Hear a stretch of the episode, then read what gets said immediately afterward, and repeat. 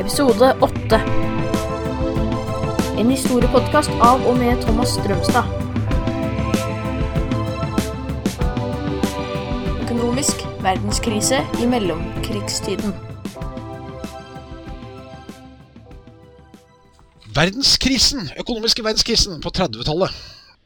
I løpet av desperate dager i oktober 1929 sank aksjekursen på børsen i New York betraktelig. Nedturen begynte egentlig 23. oktober, da aksjekursen på General Motor begynte å synke. Folk løp av sted for å selge aksjene sine.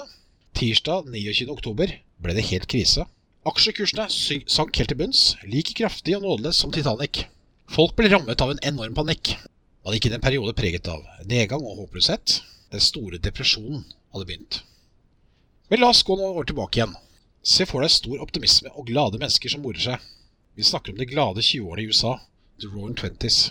USA hadde kommet seg raskt etter første verdenskrig. Fabrikker som hadde laget varer og forsyninger til militæret, begynte nå å produsere forbruksvarer, som biler og radioapparat. Henry Ford kom på banen med sitt samlebåndssystem og produserte biler raskt og effektivt. Flere biler ble produsert, de som laget dem fikk bedre lønn, og folk kunne kjøpe enda mer.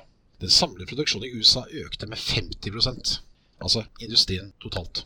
Aviser og tidsskrifter hadde jevnlige overskrifter som viste bilder av folk som glade mennesker som kjøpte aksjer. Flere hadde lyst til å kjøpe aksjer. Vanlige folk kjøpte aksjer i stor monn. En aksje det er rett og slett det samme som å eie en del av et selskap. Ettersom da selskapene gjorde det godt og opplevde stor etterspørsel på sine varer, var også aksjekursene høye. I løpet av perioden 1920 til 1929 steg antall amerikanske aksjeeiere fra 4 til 20 millioner mennesker.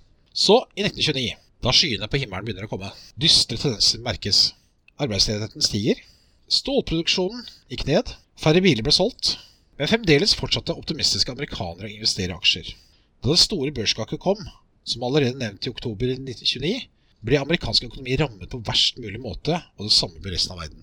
I USA ble fabrikker stengt, og arbeidere mistet jobbene sine. Våren 1933 lå jordbrukssektoren bokstavelig talt brakk. 25% av bøndene var uten arbeid, og mange mistet gårdene sine. Arbeidsledigheten vokste fra 1,5 millioner i 1929 til 12,8 millioner i 1933. Det som skjedde i USA, spredte seg fort i Europa. Arbeidsledigheten i Storbritannia den vokste til 2,5 millioner, dvs. Si 25% av den samlede befolkning. Tyskland, som jo hadde vært langt nede helt siden første verdenskrig sluttet, og var avhengig av å låne penger fra USA, fikk det fryktelig vanskelig. De hadde selvfølgelig ikke muligheter for å kunne betale tilbake lånet som amerikanske banker forlangte at de skulle betale tilbake. Det var jo slik at Under de glade 20-årene hadde amerikanerne handlet stor monn med de europeiske statene, og bankene hadde gledelig lånt ut masse penger til europeiske statene.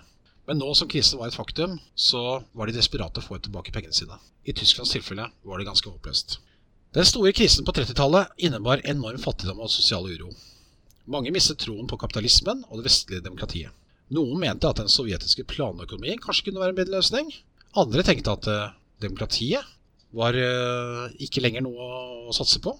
Og Isteden innførte man diktatur, og man tvang næringslivet til å bli med på en enorm opprustning. I det hardt uh, kriserammede USA kom en fyr ved navn Franklin Delano Roosevelt til makten i 1933. Han kom fra en velstående familie. Han var demokrat.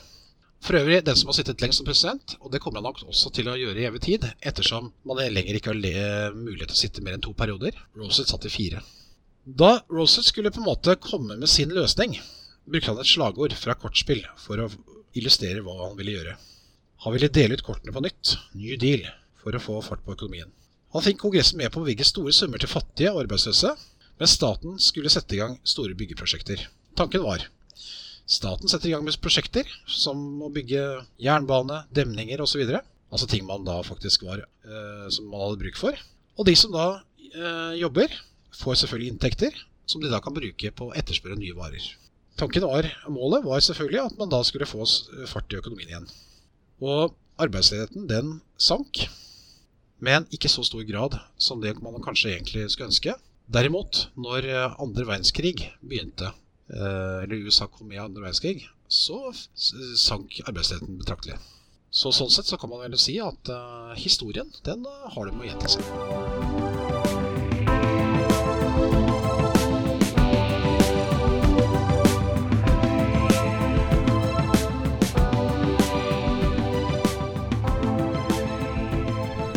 Du har hørt en historiepodkast av og med Thomas Strømstad.